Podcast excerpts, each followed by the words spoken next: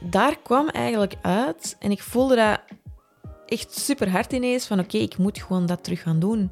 Ik moet voor mezelf starten en deze keer ga ik het op mijn manier doen. Dus heel die situatie, heel, die, heel dat pad dat je hebt gevolgd, wat ik nu heb verteld, um, dat heeft er eigenlijk voor gezorgd dat ik op het punt ben gekomen van echt helemaal te moeten teruggaan naar de kern.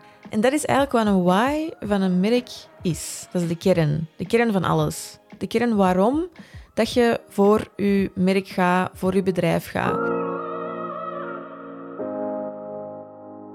Dit is de Master Your Brand podcast. De podcast die fuck it zegt tegen de standaarden rond branding en marketing. Want de tijd dat bedrijven puur producten of diensten verkopen is voorbij. Daarom zoek ik naar changemakers die willen inzetten op betekenis, connectie en eigenheid. Die geloven dat tijdloze, sterke merken nu eenmaal de toekomst zijn.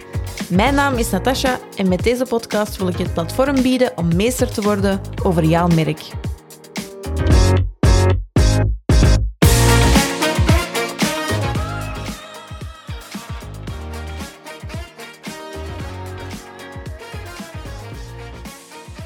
Oké, okay, here we go.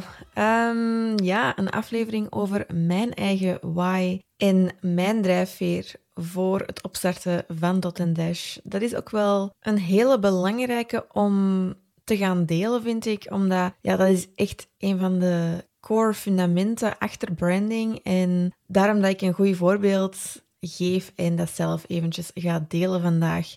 Nu, om een why uit te leggen van een bedrijf of de opstart van een bedrijf, dat is natuurlijk geen evidente. Ja, de reden daarachter is gewoon dat dat een heel veel diepere betekenis heeft vaak. Dus daarom moet ik een beetje context gaan geven over wie dat ik ben als persoon. En wat ik eigenlijk al mee heb gemaakt in mijn carrière als designer. Ehm, en ja, waar dat dus vandaan komt dat ik heb beslist om mijn eigen bedrijf te starten. Want laten we eerlijk zijn, het is echt niet voor iedereen. Er zijn dagen dat ik ook terugdenk aan de tijden als werknemer, omdat het zoveel anders en eigenlijk ook wel ergens chiller is. Je komt thuis en je moet aan niks meer denken bijvoorbeeld. Je hebt niet de eindverantwoordelijkheid over alles en je moet niet alle rollen vertegenwoordigen in je zaak. En dat de lijst van werknemer vaak veel chiller lijkt, is er wel één probleem. En dat is, ja, ik pas niet in dat jasje als werknemer. Hoe mooi dat je er ook uitziet. Ik hou van uitdagingen. Ik hou van iets op te bouwen voor mezelf, het anders willen doen. En ja, ik heb daarnaast ook wel wat moeite met hiërarchie en autoriteit. Dus dat zorgt ervoor dat de werknemerrol voor mij geen match is. Er is ook helemaal niks mis mee als je dat wel graag hebt, want ik snap het volledig, de structuur, de zekerheid en alles. Het, het spreekt mij ook sowieso aan, maar het voelt gewoon niet juist. En in de afgelopen tien jaar heb ik dat ook gewoon ontdekt, dat dat niet bij mij past. Daarnaast ben ik dan ook een HSP'er. Dat heb ik uh, niet zo heel lang geleden ontdekt. En tegelijk een high sensation seeker. Het zijn allemaal labels. Ik hou echt niet van labels, ermee dat ik er ook niet zo veel over praat. Maar ik vind wel dat dat mij helpt uh, tegenwoordig om mijn soms vreemde, chaotische brein te begrijpen. Um, ik noem mijzelf daarom altijd een extraverte introvert, omdat ja, ik ben echt een vat vol tegenstrijdigheden soms. Ik kan echt in de zetel zitten als een loner, alleen naar series kijken, uh, onder een dekentje. En dan tegelijk kan ik ook zo de life of the party zijn en iets wat te luid als ik er echt zin in heb. Dus ja, die labels, die vertegenwoordigen niet mijn volledige persoonlijkheid, maar die geven mij wel een handvat om eigenlijk ermee leren om te gaan. Omdat HSP is iets dat ja, veel mensen nog niet begrijpen. Ik had daar zelf ook in het begin een oordeel over, om eerlijk te zijn. En dan heb ik ontdekt van oké, dat is totaal iets anders. Want ja, bij alles is dat ook gewoon zo. Als je er meer over leert, dan gaat je ook andere dingen zien. Dus het heeft mij eigenlijk wel echt geholpen met hoe dat ik in mijn bedrijf sta. En om er nog wat labels tegenaan te gooien, ik ben ook um, een INFJ. En dat is eigenlijk de advocaat van de 16 persoonlijkheden. En ik ben niet zo per se into persoonlijkheidstest. Ik ben echt een persoon van ja, wetenschappelijke onderbouwde dingen. Maar ik vind ze stiekem gewoon wel heel leuk om te doen. En ik leer er ook echt wel van. Dus die beschrijvingen die dat gegeven worden aan die persoonlijkheidstypen, die zijn echt wel spot on. En ook tegelijk denkt je dan van, oei, ik ben helemaal niet zo speciaal als dat hier zo beschreven staat. Ehm, iedereen denkt wel van dat hem anders is of zo, totdat je dat dan leest in die persoonlijkheidstesten. Maar ja, ik leer daar ook wel gewoon veel van. Ik ben iemand dat enorm leergierig is. Ik leer soms te veel, waardoor ik helemaal overweldigd geraak. Maar ik vind dat gewoon heel leuk om zo alle puzzelstukjes te gaan zoeken. Ik ben iemand die heel graag oplossingen zoekt voor complexe problemen. Dat is eigenlijk wat ik heb geleerd van al die labels, van al die dingen te leren kennen. Ik hou van de uitdaging om complexe problemen om te zetten in oplossingen. En moet dat nu toevallig zijn wat een designer doet? Want heel veel mensen denken dat een designer eerder gewoon dingen mooi gaat maken, wat dat in een klein onderdeel ook sowieso is. Maar eigenlijk is design meer het zoeken van oplossingen voor problemen. Hoe gaat je een layout juist zetten? Hoe gaat je bijvoorbeeld, ik zal maar zeggen, een folder voor je bedrijf ontwikkelen? Dat moet nagedacht worden over layout, er moet nagedacht worden over beeld, er moet nagedacht worden over kleuren, fonts en al die dingen. Als dat bepaald is, dan moet, dat ook, nage Allez, moet ook nagedacht worden van hoe dat je dat er allemaal gaat in verwerken, hoe consistent dat het moet zijn en wat moet erin komen te staan en wat gaat uw doelgroep aanspreken? En dat is waar een designer ook heel veel naar kijkt. Die gaat kijken van oké, ik heb hier tekst, ik heb hier foto's, krijg dat aangeleverd. Hoe moet ik dat probleem oplossen om dat in een design te zetten, zodat de mensen die het gaan lezen, die het gaan bekijken, daar het meeste uithalen. Dus dat is eigenlijk ook waarom dat de jobdesigner zo goed bij mij past, is omdat dat heel veel um, problemen oplossen is. En even om terug te komen naar die INFJ, waarom vertel ik dat? Ja, omdat dat eigenlijk een groot deel is van waarom dat ik dus dat bedrijf ook ben opgestart. Bijvoorbeeld, het type is idealistisch en principieel en niet tevreden om door het leven te gaan zonder te willen opkomen voor wat ze belangrijk vinden en een verschil te maken. Voor deze persoonlijkheden komt succes niet voort uit geld of status, maar uit het zoeken naar vervulling, het helpen van anderen en het zijn van een kracht en goede van de wereld. Oké, het is allemaal redelijk fluffy, maar het komt er wel op neer. En dat is ook waarom, als ik die dingen dan lees, dan denk ik, ah ja, eigenlijk, dat klinkt wel allee, dat klinkt wel echt waar ik naar op zoek was, van de waarom dat ik iets doe. Ik hecht eigenlijk heel veel belang aan mijn waarden en normen. Ik, ben, um, ik heb een heel hoog onrechtvaardigheidsgevoel en ik heb daar heel veel problemen al van ondervonden in mijn leven. En daarom dat ik ook heel graag al die puzzelstukjes van mijn persoonlijkheid ga zoeken, omdat ik zo ook gewoon makkelijker kan omgaan met bepaalde situaties. Bijvoorbeeld zeg maar iets eh, aan de kersttafel. Um, bij de feestdagen is het altijd zo dat er heel veel politieke discussies naar boven komen. En dat zijn zo die momenten dat ik denk van, ik moet mij niet moeien. Maar mijn onrechtvaardigheidsgevoel komt er naar boven en ik begin te strijden en strijdvaardig is ook echt iets wat in mij zit. En daarom, ja, vroeger was dat veel, veel harder. Nu kan ik dat echt al heel veel meer relativeren. Dus ik merk dat dan als ik mijn persoonlijkheid meer en meer kan hè, vormgeven in een soort van puzzel, dat het gewoon makkelijker gaat zijn om al die dingen mee om te gaan. En mindset coaching en zo heeft daar ook heel veel aan gedaan. Maar daarom dat ik dat wel allemaal heb onderzocht. Dat komt eigenlijk, waarom ben ik er eigenlijk mee gestart? Want we gaan even terug in de tijd om mijn drijfveer, mijn why, achter dot en dash te gaan ontdekken. En dat komt doordat ik op een bepaald moment heb ik een burn-out gehad. Ik heb daar zeven maanden door thuis gezeten dat was iets dat voor mij als workaholic, want honestly, ik ben echt een beetje een workaholic, daar moet ik aan werken. Maar dat was voor mij enorm, enorm moeilijk. Ik moest alles loslaten, controle loslaten, ik mocht geen laptop meer aanraken. En dat heeft eigenlijk, ja, heel vaak is dat zo'n grote situatie dat je triggert om terug naar de basis te gaan, om terug naar te zien van, oké, wat maakt mij gelukkig?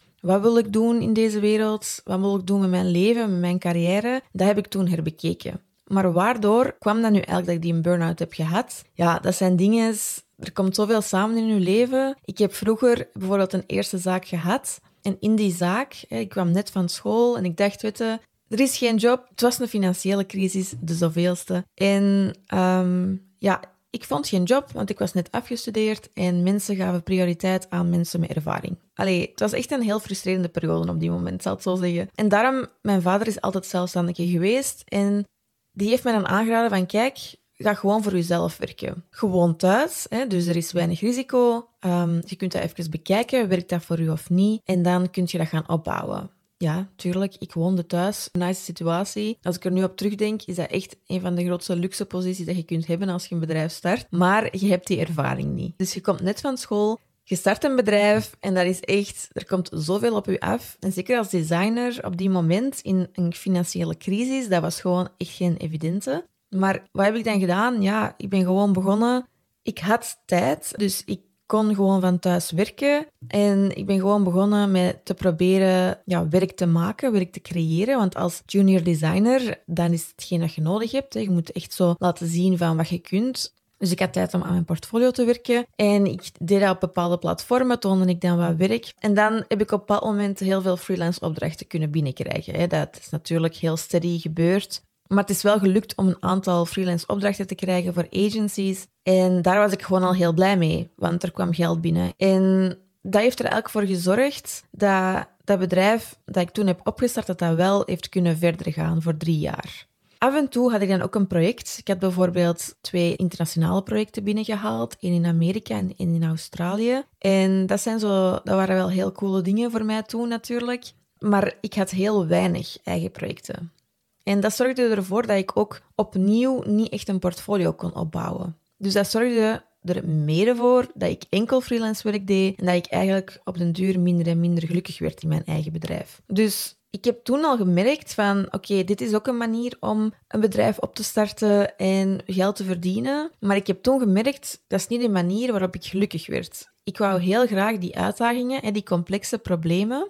Dat is iets dat altijd een rode draad in mijn leven is geweest. Ik wou dat heel graag gaan doen en zelf projecten binnenhalen en zelf op de beste manier klanten verder helpen. Maar ja, dat ging toen nog niet. Ik was net van school. Ik kende nog niet genoeg. Ik luisterde ook heel veel naar de mensen rondom mij die zelf niet echt ervaring hadden. Dat had heel veel invloed. Ik kende mezelf ook niet eens. Dat zijn allemaal dingen die er heel hard voor zorgen van... Oké, ja, je maakt dan een bepaald bedrijf. Je creëert een bepaald bedrijf. Maar dat dan eigenlijk stiekem toch niet volledig bij je past. Nu, je kunt dat altijd even blijven verder doen, maar op een bepaald moment ga je ook voelen van oké, er klopt iets niet. Dus ik heb na een hele persoonlijke situatie, ik heb een scheiding meegemaakt na twaalf jaar samen zijn, dan de scheiding van mijn ouders, er heel snel, die er heel snel op volgde en nog een aantal heel erge dingen. Het was even heel veel ineen. Zorgde er eigenlijk voor dat ik de stress en de complexiteit van in een zaak te hebben, mijn eigen projecten af en toe en dan heel veel freelance opdrachten moeten doen. Ik werkte heel veel voor een veel te laag tarief. Dus dat maakt iedereen wel mee als beginnende ondernemer. Maar dat ging gewoon niet meer.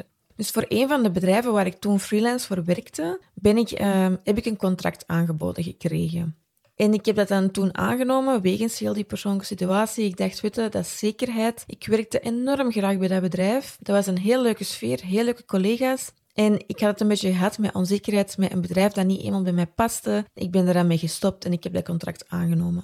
Dus met te werken voor dat bedrijf als werknemer heb ik ook enorm veel geleerd. Daar viel het meer en meer op dat ik het heel leuk vond om heel veel verantwoordelijkheid te krijgen. En dat is natuurlijk zo, omdat ik mijn eigen zaak was gestart, moest ik ineens terug in werknemerpositie gaan. Dat was een Allee, dat voelde een beetje stroef, maar het bedrijf was er zo goed op georganiseerd dat ik heel veel vrijheid kreeg. Dat ik mij heel goed voelde in de job. En dat ik echt mijn eigen ding kon doen. Dat ik weer heel veel heb geleerd van de mensen rondom mij. Ja, dat was wel echt een heel fijne periode. Maar elk jaar, en dat kunnen, dat kunnen de mensen in mijn omgeving echt beamen, praatte ik toch over: oké, maar ik ga ooit wel terug zelfstandig worden. Ik kon dat zo niet laten. Ik weet niet, dat, dat dat bleef zo van binnen, zo van, weet ik heb dat nu opgegeven. Dat voelde ook echt als falen op een bepaald moment. Ik wist dat toen nog niet dat dat natuurlijk niet zo was, maar dat voelde wel echt zo. En ik had wel zoiets van, oké, nee, nee, nee. Ik ben nog niet gedaan, dat gaat ooit wel terugkomen, maar ik ga eerst starten als werknemer. Beetje zekerheid, een beetje rust. Ik heb daar ook um, ehm, 2,5 jaar gewerkt, denk ik, als werknemer en één jaar als freelancer. Dus ik was daar 3,5 jaar. En uiteindelijk is dat bedrijf in een andere richting uitgegaan en paste mijn job helemaal niet meer bij wat ik wilde doen, namelijk branding. En um, ben ik iets anders gaan zoeken. Maar door die job te doen heb ik ontdekt dat branding hetgene was ik heb in het begin ook heel veel webdesign, digitale ontwerpen gedaan, grafische vormgeving. Um, maar branding was hetgene dat ik in de loop van die jaren dat ik nu heb gepresteerd als werknemer en als toen ik mijn eigen zaak had, voelde ik heel hard van, ja, dat is het. Ik leerde meer over merkstrategie, ik leerde meer over huisstijlontwikkeling en ik deed dat allemaal tussendoor, gewoon omdat ik dat zo interessant vond en zo waardevol. En waar dat ik kon in de bedrijven, deed ik dat ook. Dus ik deed de branding, ik bewaakte eigenlijk de branding voor dat bedrijf. En ik zorgde ervoor dat alles dat er naar buiten kwam consistent was en ik leerde ondertussen meer over al die zaken. Toen ik dus een andere job moest gaan zoeken, wist ik wel, oké, dit wil ik gaan doen. Dus had ik niet in die positie gezeten, dan had ik ook niet ontdekt van, oké, op een vroege leeftijd van branding is hetgeen dat ik wil doen. Dus na die job ben ik naar een andere job gegaan naar een agency gegaan en daar kreeg ik de job aangeboden van design lead, nog steeds als werknemer. En die job zorgde er eigenlijk voor dat ik de hele verantwoordelijkheid had over de design tak. Ik mocht alle processen gaan uitspuren. Ik mocht bepalen hoe dat de design tak er ging uitzien. De design onderdeel van het bedrijf gewoon. En ik had twee junior designers in mijn team. Dus voor mij was dat super interessant, want ik had weer heel veel verantwoordelijkheid gekregen en ik heb dan ook een, een klein team gekregen. Dat was ook nieuw. Dus dat was heel leuk omdat ik ook gewoon heel veel vrijheid kreeg. Maar in deze job, die dat ik anderhalf jaar heb gedaan, ben ik mezelf enorm zwaar tegengekomen mentaal. Ik wilde altijd alles geven. Ik wilde altijd heel hard presteren. Ik zat in een enorme bewijsdrang. Ik was heel perfectionistisch. Het was nooit goed genoeg. Ik was heel gedreven en gepassioneerd door mijn job. En ik merkte dat het agency waar ik werkte een heel ander idee had van hoe dat iets moest gebeuren. Dus de match in hoe dat iets uitgevoerd moest worden of hoe dat iets moest opgesteld worden, van heel, hoe dat designafdeling er eigenlijk moest gaan uitzien, die was er niet. Dus ik had wel die vrijheid en die verantwoordelijkheid, maar er werd op zich niet geluisterd naar de zaken die ik wilde toepassen en waar ik echt 100% in geloofde. Bijvoorbeeld heel het kwaliteit over kwantiteit gegeven, dat is voor mij iets dat zo waardevol was. Dat is iets dat ik enorm hard um, meedraag, al heel mijn leven of zo. Ik weet niet, dat is iets... Ja, misschien dat ik daardoor ook heel hard val in dat patroon van perfectionisme. Maar um, ja, ik ben zo'n voorstander van alles kwalitatief aan te pakken, van te starten bij het begin, bij de analyse, bij het nadenken over het project en dat al, de doelen ook heel goed stellen samen met de klant en echt weten waar je naartoe wilt, dat dat heel helder is, om nadien niet te moeten terugkomen op, ah ja, oké, maar we hebben daar niet aan gedacht. En allee, daarom die kwaliteit over kwantiteit is voor mij echt zo'n, ja, dat is een persoonlijk mantra of zo, um, een zo'n belangrijk element in een samenwerking. En ik werk daar ook heel graag samen met mensen die hetzelfde voelen, die ook echt die kwaliteit willen en die dat weten dat daar gewoon veel meer werk in steekt, dat normaal is.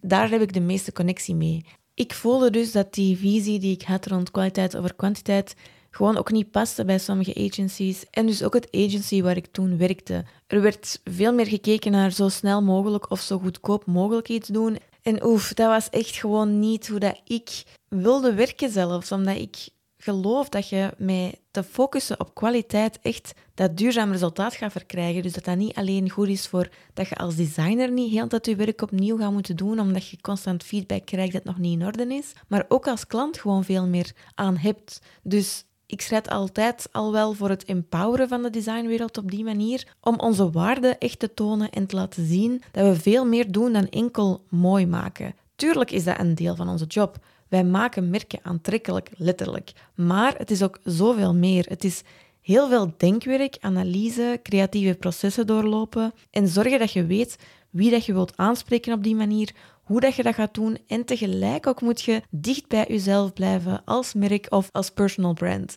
Dat op voorhand gaan definiëren in richtlijnen gaat dan echt enorm goed helpen om te zorgen dat meerdere partijen dit ook correct blijven doen. Want je gaat ook andere mensen inschakelen, zoals copywriters of fotografen. En dat is ook gewoon een heel groot deel van onze job, is het bewaken van dat merk en zorgen dat iedereen op dezelfde consistente lijn blijft.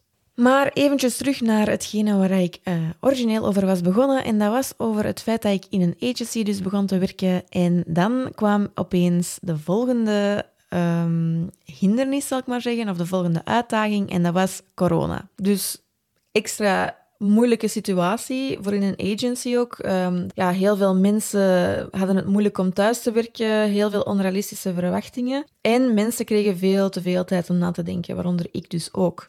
En met alles wat er aan gebeurd was de afgelopen jaren, van bedrijf naar werknemer, persoonlijke crisissen, te hoge verwachtingen, te veel flexibiliteit dat gevraagd werd tijdens tijden van corona, um, veel negativiteit, veel toxiciteit. Ja, dat zorgde dus eigenlijk voor die burn-out. Dus nu komen we na een lang verhaal even terug op waar ik was over begonnen. Waar dan mijn why en waar dan mijn drijfveer uitgekomen is. Door heel dat traject te bekijken dat ik heb meegemaakt. En die burn-out heeft mij doen stilstaan. Mijn lichaam heeft echt tegen mij gezegd, stop, Stop gewoon, want je zit te hard aan het gaan. Je gaat altijd over je grenzen en mensen gaan over je grenzen en je bent aan people pleasen en al die dingen, al die lagen, die diepe lagen lagen erover. En ik wist dat gewoon niet. Omdat je gewoon gaat. Je gaat in een bepaalde automatische piloot en je denkt niet goed na over wat gaan doen ze en waarom dat je aan doen ze en daardoor dus die burn-out. En die zeven maanden stil liggen was dus, zoals ik al eerder zei, dat was echt vreselijk. Ehm,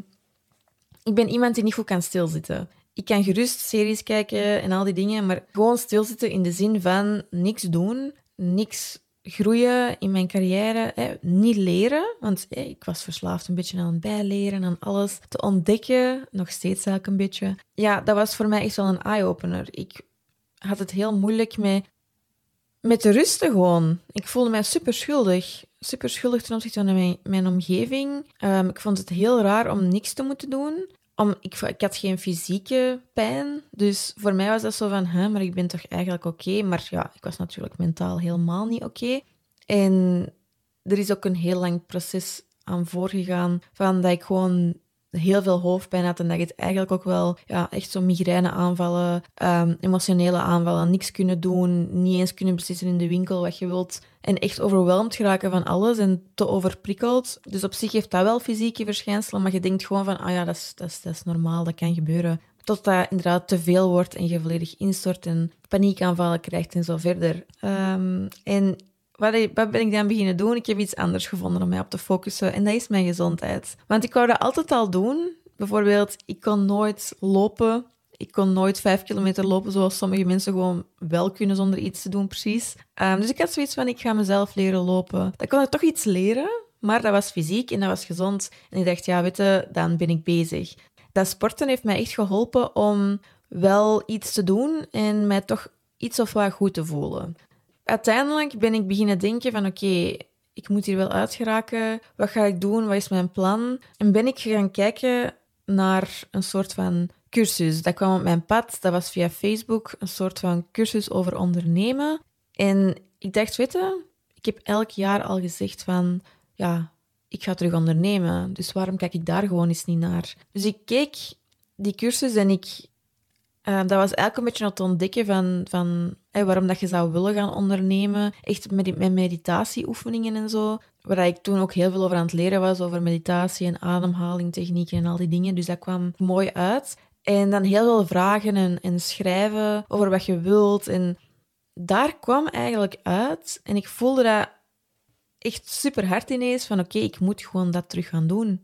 Ik moet voor mezelf starten en deze keer ga ik het op mijn manier doen. Dus heel die situatie, heel, die, heel dat pad dat je hebt gevolgd, wat ik nu heb verteld, um, dat heeft er eigenlijk voor gezorgd dat ik op het punt ben gekomen van echt helemaal te moeten teruggaan naar de kern. En dat is eigenlijk wat een why van een merk is. Dat is de kern. De kern van alles. De kern waarom dat je voor je merk gaat, voor je bedrijf gaat.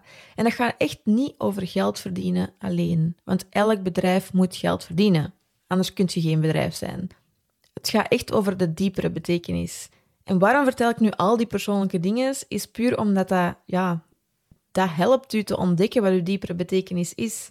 Voor mij was dat terug leren luisteren naar mezelf, naar mijn buikgevoel, naar wat ik wilde doen in mijn carrière en hoe dat, dat ging werken. Het feit dat hè, weer in hiërarchie zitten, autoriteit, toxische omgevingen ervoor hebben gezorgd dat ik in een burn-out ben geraakt. Alleen niet alleen dat, maar ook heel de dingen daarvoor ja, dat heeft er wel voor gezorgd dat ik dan ook ben gestart als, als zelfstandige. En ik heb er nog steeds geen spijt van. Oké, het is niet makkelijk. Het is, het is voor niemand makkelijk.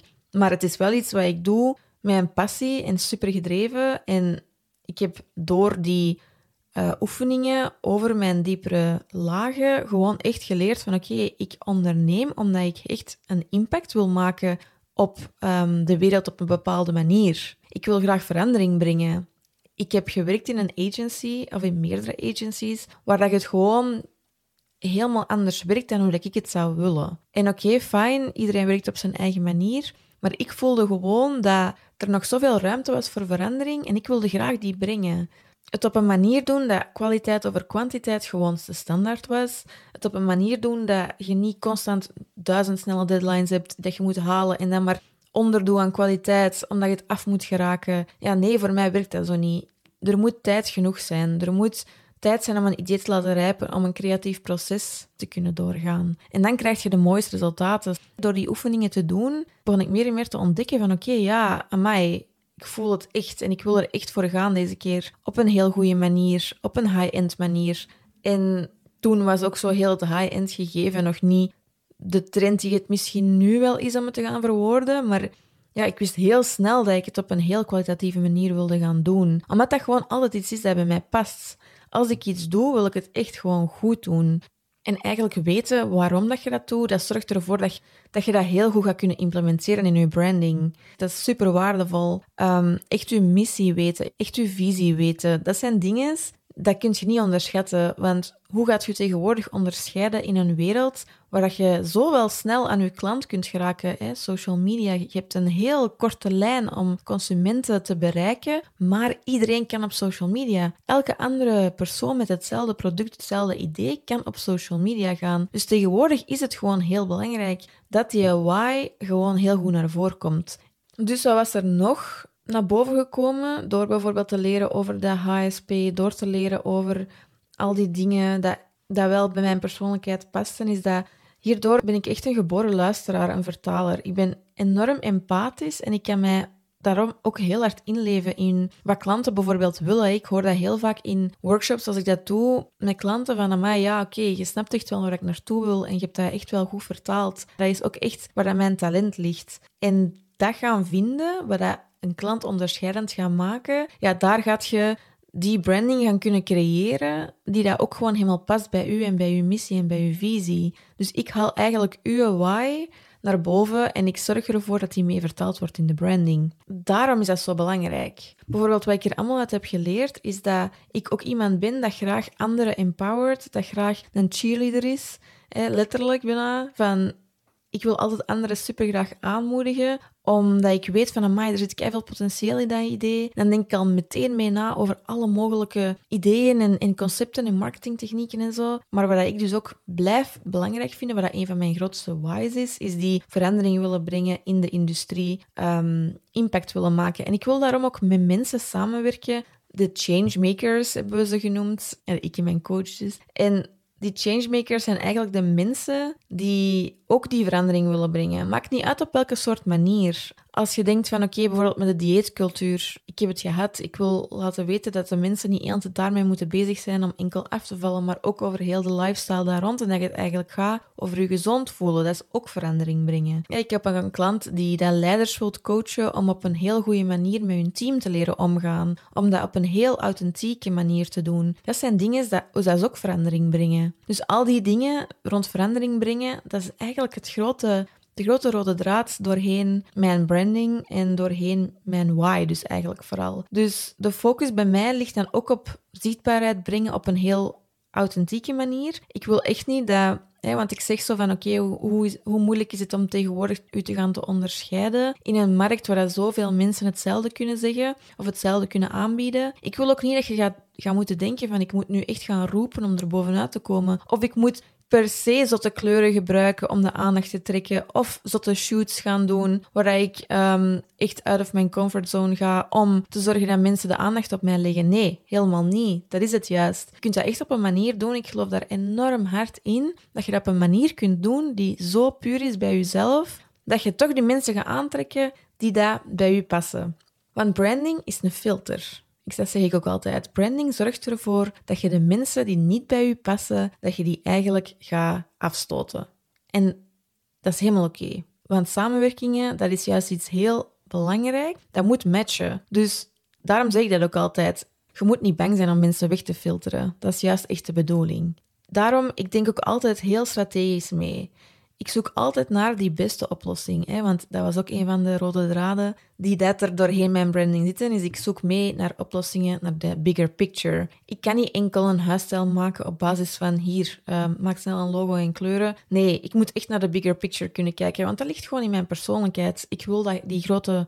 Ik wil dat eigenlijk zien als je bij mij komt als, oké, dat is een heel groot probleem, of een uitdaging, om het correcter te zeggen. Je mocht niet probleem gebruiken, um, maar een uitdaging om die te gaan oplossen. Want dat is juist, dat is, superleuk. En om zo op die manier mee verandering te kunnen brengen. Want dat vind ik ook nog wel een belangrijke. Door te samenwerken met de mensen die dat ook die verandering gaan brengen in hun eigen concepten of op hun eigen manier gewoon, kan ik mijn steentje bijdragen aan eigenlijk een betere wereld. En dat klinkt heel mis België, maar ja, stiekem is dat toch ook wel iets wat ik, dat ik heel belangrijk vind. Bedoel, ik was vroeger altijd bezig met mensen te overtuigen van ja, klimaat dit, klimaat dat. Um, ik was altijd al een strijder voor verandering. Ik hoopte ook altijd een impact te maken op een of andere manier. Dus ik denk dat dat heel hard heeft voor gezorgd dat ik zo graag met mensen samenwerk die dat, ehm, die verandering ook willen brengen en op dezelfde manier denken. Want zo kan ik dan toch mee iets doen. En ik hoop dat is mijn, ah, mijn grote droom eigenlijk voor deze bedrijf. Als ik mijn bedrijf kan uitbouwen tot iets enorm goed, tot iets enorm ja, succesvol en ergens winstgevend, want laten we ook niet Laten we er ook niet ronddraaien. Het gaat ook nog altijd om financiële vrijheid te gaan creëren voor jezelf, met iets dat je gewoon graag doet. Voor iedereen is die financiële vrijheid ook iets anders, dat snap ik volledig. Maar bij mij gaat het over het willen goed doen. Ik wil mijn bedrijf zo gaan kunnen oprichten dat ik ook gewoon één keer per zoveel tijd een project kan doen voor een goed doel, bijvoorbeeld. Of kunnen gaan schenken aan goede doelen, waarvan ik weet van oké, die gaan echt verandering kunnen brengen of impact kunnen maken. En mij daar meer bezig mee kunnen houden. Dus dat is natuurlijk een heel, hè, dat is een lange termijn en een high-level doel. Maar ook helemaal niet onbelangrijk. En daar zit ook weer mee in verwerkt wie dat ik ben als persoon. Er zijn nog zoveel dingen dat ik zou kunnen vertellen, maar wat ik misschien nog wel belangrijk vind om op in te gaan, is wat maakt mij dan juist anders bijvoorbeeld dan anderen? Want ik heb nu verteld over mijn why, over mijn diepgaande reden achter het ontstaan van Dot Dash. Maar wat maakt mij dan ook nog anders dan anderen in dezelfde sector? Er is een heel groot ding rond concurrentie bestaat niet. Ik vind dat een hele leuke, omdat dat triggert heel veel mensen.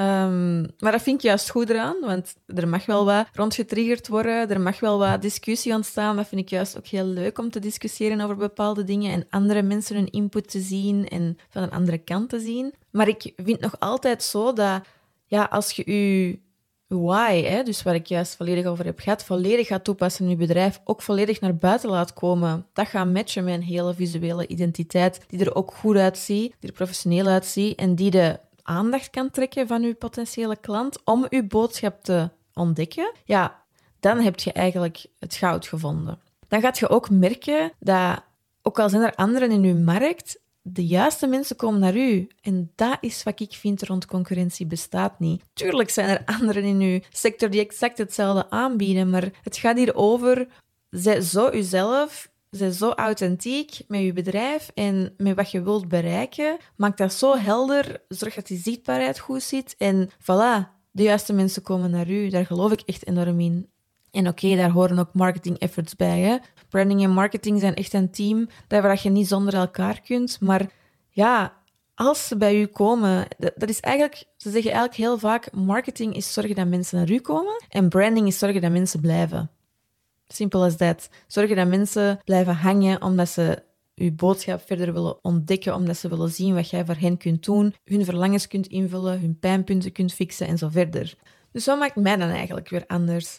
Ja, ik heb ondertussen tien jaar ervaring. Ik heb gewerkt in mijn eigen bedrijf in het begin en in agencies. En dat heeft mij enorm veel geleerd over hoe het niet en over hoe het wel moet. Ik ben echt ja, meer een, een partner, een branding partner, die dat ervoor wil zorgen dat jij centraal staat en uw bedrijf centraal staat. Dat ik niet gewoon voor mezelf ga ontwerpen, maar echt hè, omdat ik denk van hier, ik geef u iets van ontwerpen en ik denk dat dat het beste is. Nee, nee, ik wil dat echt uit u halen. En ik wil echt zorgen dat jij verder kunt met die branding en dat op een duurzame manier. Um, want dat is bij mij een heel belangrijke. Ik wil dat je mijn branding bij mij lang verder kunt. En dat je niet om de zoveel jaar moet gaan rebranden, omdat je denkt van oei, nu past het niet meer bij mij. Maar dat je wel kunt gaan verfijnen bij een shift. Ik geloof dan ook in heel persoonlijk werken. Um, ik heb nog altijd geen cursus gemaakt, omdat ik geloof in het één op één werken. Dus dat is ook iets dat ik heel belangrijk vind. Ik zeg niet dat ik nooit een cursus ga maken, maar ik vind het wel belangrijk om die één op één samenwerkingen altijd te behouden. Dus persoonlijke communicatie, co-creatie, dat is iets wat ik enorm graag doe en wat er echt mee in zit. Wat vind ik nog heel belangrijk, is het proces dat ik heb ontwikkeld na die tien jaar ervaring, is eigenlijk een proces waarvan ik heb gemerkt van dit werkt het beste voor mij en voor de klant. En hier gaat de samenwerking het vlotste. Dus dat proces is zo opgemaakt dat je eigenlijk de beste resultaten eruit haalt en dat het ook gewoon een heel fijne samenwerking is. Want ik merkte bij heel veel partnerschappen of samenwerkingen vroeger dat dat soms heel moeilijk is. En de designers of creatieven die dat gaan luisteren gaan denken, ja, ja, tuurlijk, hè, al die tienduizenden feedbackrondes en zo, dat is bij mij uitgeschakeld. Tuurlijk is er nog feedback, maar dat is op een heel andere manier en dat is wel heel fijn. Ik ben ook een enorm harde typografie-nerd.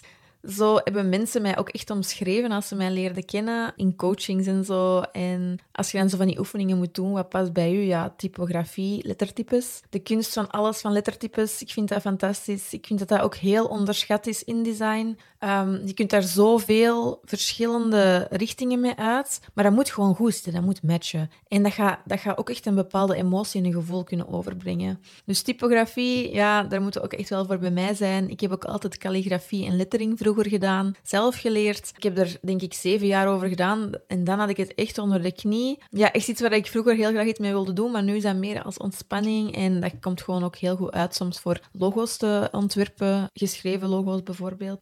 Dan, wat is er ook nog anders? Ja, ik heb een, een, een marketingachtergrond. Mijn studies, ik heb eerst gekozen om commerciële communicatie marketing te doen.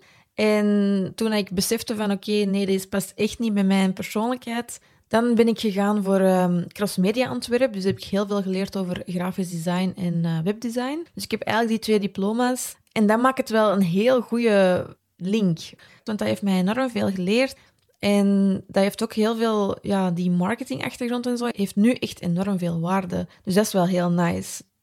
Ik geloof ook enorm hard in niet de standaard marketing, niet de standaard salespraatjes. Daar heb ik al een klein beetje over verteld. Maar ook over het feit dat er zijn zoveel schakels. Ik geloof enorm hard in 100% specialisatie. Dus branding is één ding, marketing is een ander ding. En ik heb er heel veel affiniteit mee. Maar als ik voel, dit is buiten mijn kunnen, dan ga ik andere mensen inschakelen. En andere experten gaan dat veel beter kunnen doen en die gaan ook die meerwaarde aan die klant kunnen geven. Ik kan ook zeggen van ik ga dat allemaal zelf proberen doen en dat komt wel in orde en ik ga wel wat gewoon bijleren. Nee, ik vind gewoon specialisatie enorm belangrijk en hoe meer dat je met een team van specialisten werkt, hoe beter het resultaat gaat zijn.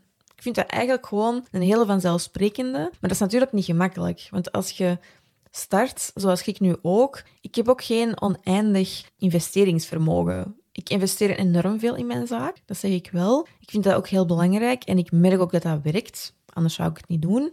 Maar ja, je hebt geen oneindig investeringsvermogen. Dus je moet ergens gaan zien ja, wanneer ben ik klaar om te investeren in branding en wanneer totaal nog niet. En wanneer ben ik klaar om te investeren in dat en zo verder en zo verder. Maar ik vind wel, ik weet wel gewoon dat we met bepaalde experten samenwerken om een beter resultaat te hebben, dat dat werkt. En ik ben daar enorm fan van. Dus dat is ook iets wat ik altijd mijn klanten ga meegeven. En waar ik mee wil eindigen, wat dat mij echt mij maakt, is... Um, ja, ik kan nog eigenlijk heel veel dingen vertellen, maar wat ik dan nog een leuke vind, is...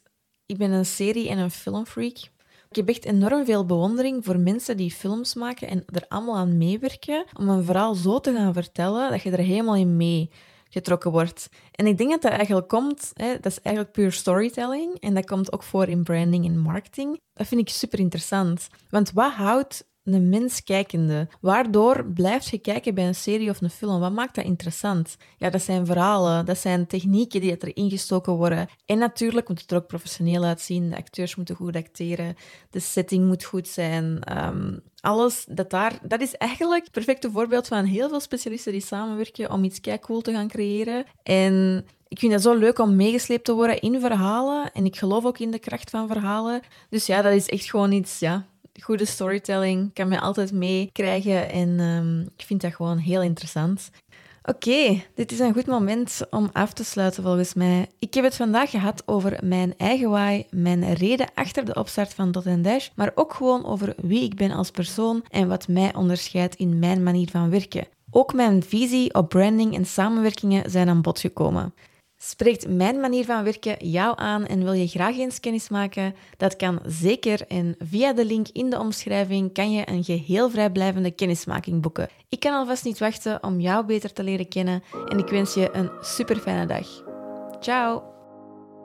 Dit was het voor vandaag in de Master Your Brand podcast. Een dikke merci aan alle luisteraars. Heb je zelf vragen over deze aflevering of branding in het algemeen? Stel ze gerust via social media. Ik ben altijd benieuwd naar jullie mening. Ben je getriggerd om meer te leren over branding? Abonneer je dan om geen aflevering te moeten missen. Tot de volgende keer.